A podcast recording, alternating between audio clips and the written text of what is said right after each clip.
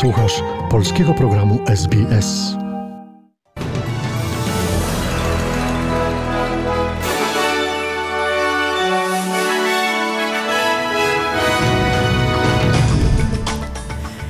Przed mikrofonem Anna Sadurska. Oto najważniejsze wiadomości dnia w środę 7 października. Przedstawiony wczoraj budżet Australii na lata 2020-2021 kładzie główny nacisk na odbudowanie gospodarki. W Polsce prezydent Andrzej Duda zaprzysiężył nowy rząd. Kanclerz Niemiec Angela Merkel spotka się dzisiaj z liderką białoruskiej opozycji Światłaną Cichanowską. Lider rosyjskiej opozycji Aleksiej Nawalny chce, aby ONZ zbadało zamach na jego życie. Iga Świątek w półfinale turnieju French Open. Zapraszam na pełny serwis wiadomości. Wczoraj wieczorem minister skarbu Josh Frydenberg przedstawił plan finansowy państwa na lata 2020-2021. Budżet ma na celu stworzenie miejsc pracy i wyciągnięcie Australii z największego kryzysu gospodarczego od czasu wielkiego kryzysu prawie 100 lat temu, powiedział minister. 10% australijskiej siły roboczej straciło pracę. Budżet Australii na lata 2020-2021 kładzie zatem główny nacisk na odbudowę gospodarki. Kluczowe punkty tegorocznego budżetu to obniżki podatków i dopłaty do wynagrodzeń dla pracodawców zatrudniających młodych pracowników. Obniżki podatku dochodowego od osób fizycznych, które zaplanowano na rok 2000-2022, zostaną wprowadzone wcześniej i liczyć się będą od 1 lipca tego roku. Obniżka obejmie 11 milionów Australijczyków. W budżecie znajdą się również pieniądze dla osób pobierających zasiłek socjalny. Seniorzy, opiekunowie, osoby otrzymujące zasiłek dla osób niepełnosprawnych otrzymają dwie zryczałtowane wypłaty w wysokości 250 dolarów każda w grudniu tego roku i w marcu przyszłego roku. Jak szacuje minister skarbu Josh Frydenberg, deficyt w tym roku finansowym wyniesie ponad 213 miliardów dolarów. COVID-19 will see our deficit reach $213.7 billion this year. COVID-19 spowodował, że nasz deficyt osiągnie w tym roku 213,7 miliardów dolarów. Dług netto wzrośnie do 703 miliardów dolarów lub 36% PKB w tym roku. 44% of GDP in June 2024.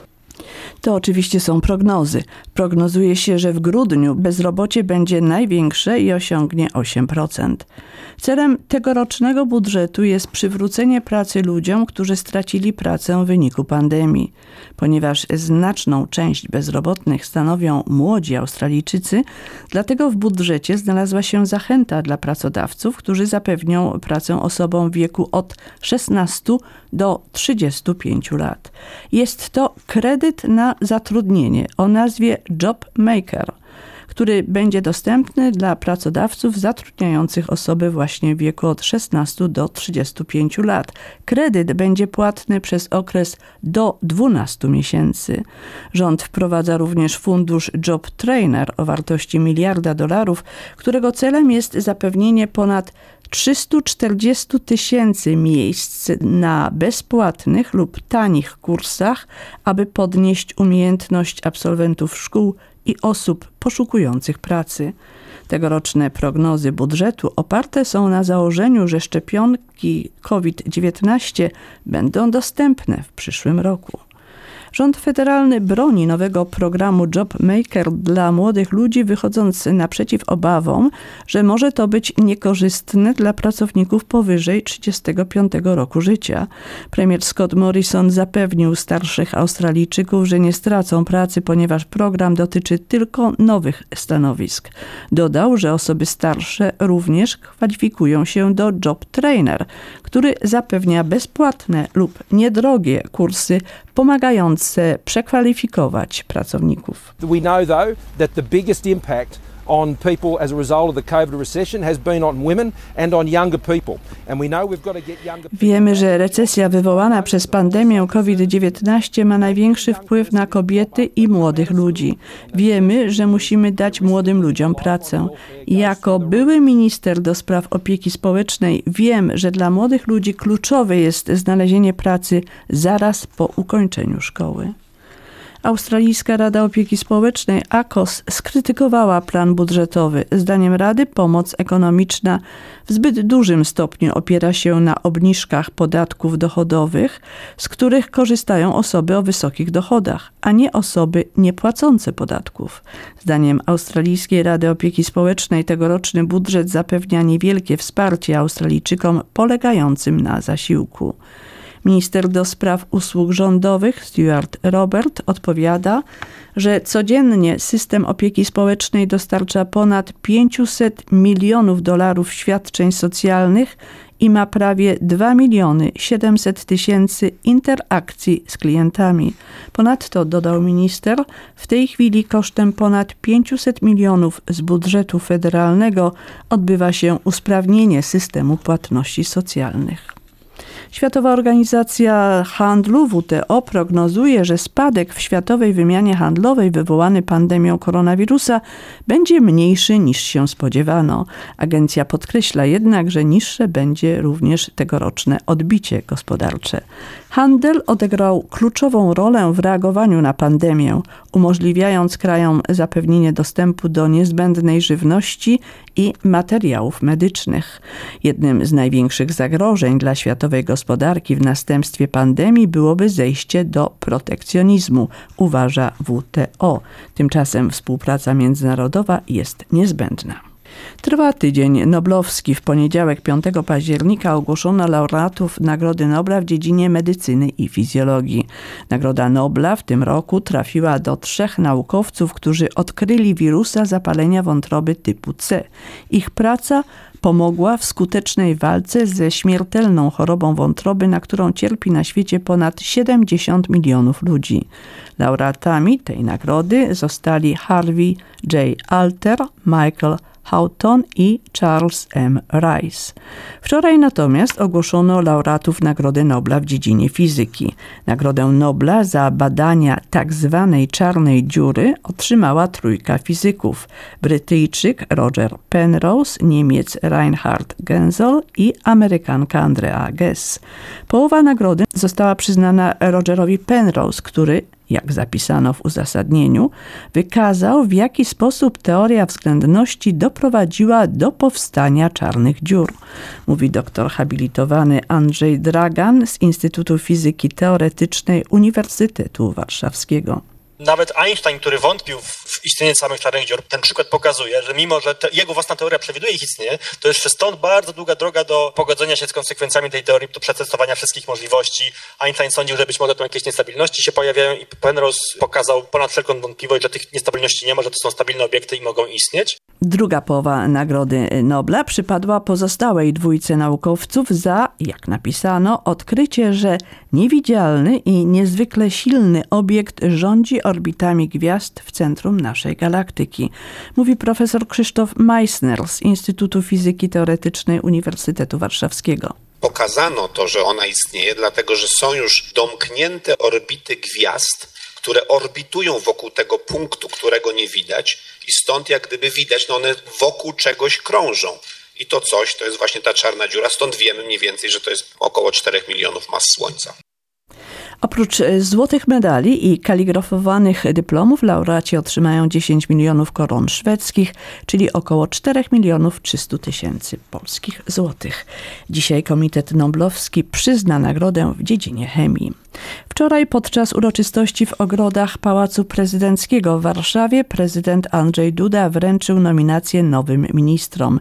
Uroczystość złożenia przysięgi odbyła się przy zachowaniu szczególnych norm sanitarnych w związku m.in. z wykryciem koronawirusa u posła Prawa i Sprawiedliwości Przemysława Czarnka. W nowym rządzie będzie czterech wicepremierów, prezes Prawa i Sprawiedliwości Jarosław Kaczyński, Jacek Sasin, Jarosław Gowin i Piotr Gliński. Liczba resortów została zmniejszona do 14. Prezydent Donald Trump zapowiedział, że weźmie udział w kolejnej debacie z kandydatem demokratów Joe'em Bidenem, która ma odbyć się w połowie miesiąca w Miami. Prezydent Stanów Zjednoczonych poinformował, że czuje się bardzo dobrze. Oświadczył też, że kraj nie może zostać zamknięty z powodu koronawirusa. Prezydent Donald Trump spędził trzy dni w szpitalu z powodu koronawirusa. Wczoraj wrócił do Białego Domu i w nagraniu wideo powiedział Amerykanom, by nie bali się tej choroby i nie dali się zdominować przez COVID-19. Dzisiaj po południu w Berlinie kanclerz Niemiec Angela Merkel spotka się z liderką białoruskiej opozycji Światłaną Cichanowską. Tematem rozmowy będą ostatnie wybory prezydenckie na Białorusi. Przed spotkaniem z niemiecką kanclerz Świetlana Cichanowska wyraziła nadzieję, że Niemcy odegrają rolę pośrednika w przemianach demokratycznych na Białorusi. Lider rosyjskiej opozycji Aleksiej Nawalny zwrócił się do ONZ z wnioskiem o przeprowadzenie śledztwa w sprawie zamachu na jego życie. Aleksiej Nawalny jest przekonany, że próbowano go otruć za wiedzą i zgodą prezydenta Rosji. Więcej dla informacyjnej agencji radiowej Maciej Jaszczębski.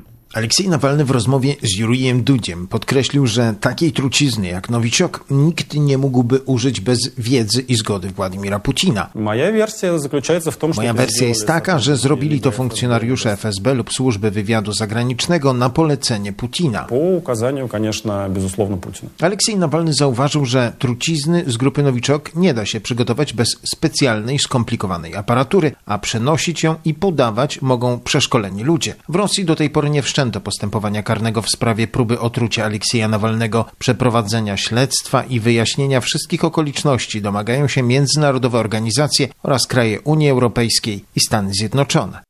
Iga Świątek awansowała do półfinału wielkoszlemowego tenisowego turnieju French Open.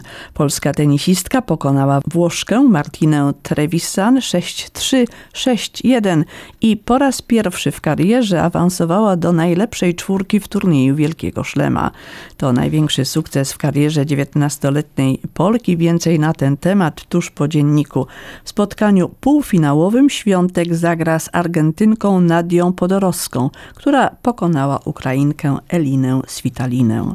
Natomiast aż 5 godzin i 8 minut trwał mecz pomiędzy Argentyńczykiem Diego Schwartzmanem i Austriakiem Dominikiem Timem. W spotkaniu ćwierćfinałowym w Paryżu Schwartzman został, wygrał z Dominikiem Timem i został pierwszym półfinalistą wielkoszlemowego tenisowego turnieju French Open. Półfinałowym przeciwnikiem Schwarzmana będzie Hiszpan Rafael Nadal.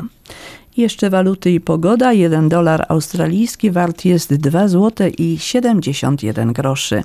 Pogoda dla stolic stanowych na jutro. Jutro tylko w Alice Springs będzie świecić słońce, w Brisbane pochmurno, a w pozostałych stolicach deszcz albo przelotne opady. Był to dziennik radia SBS.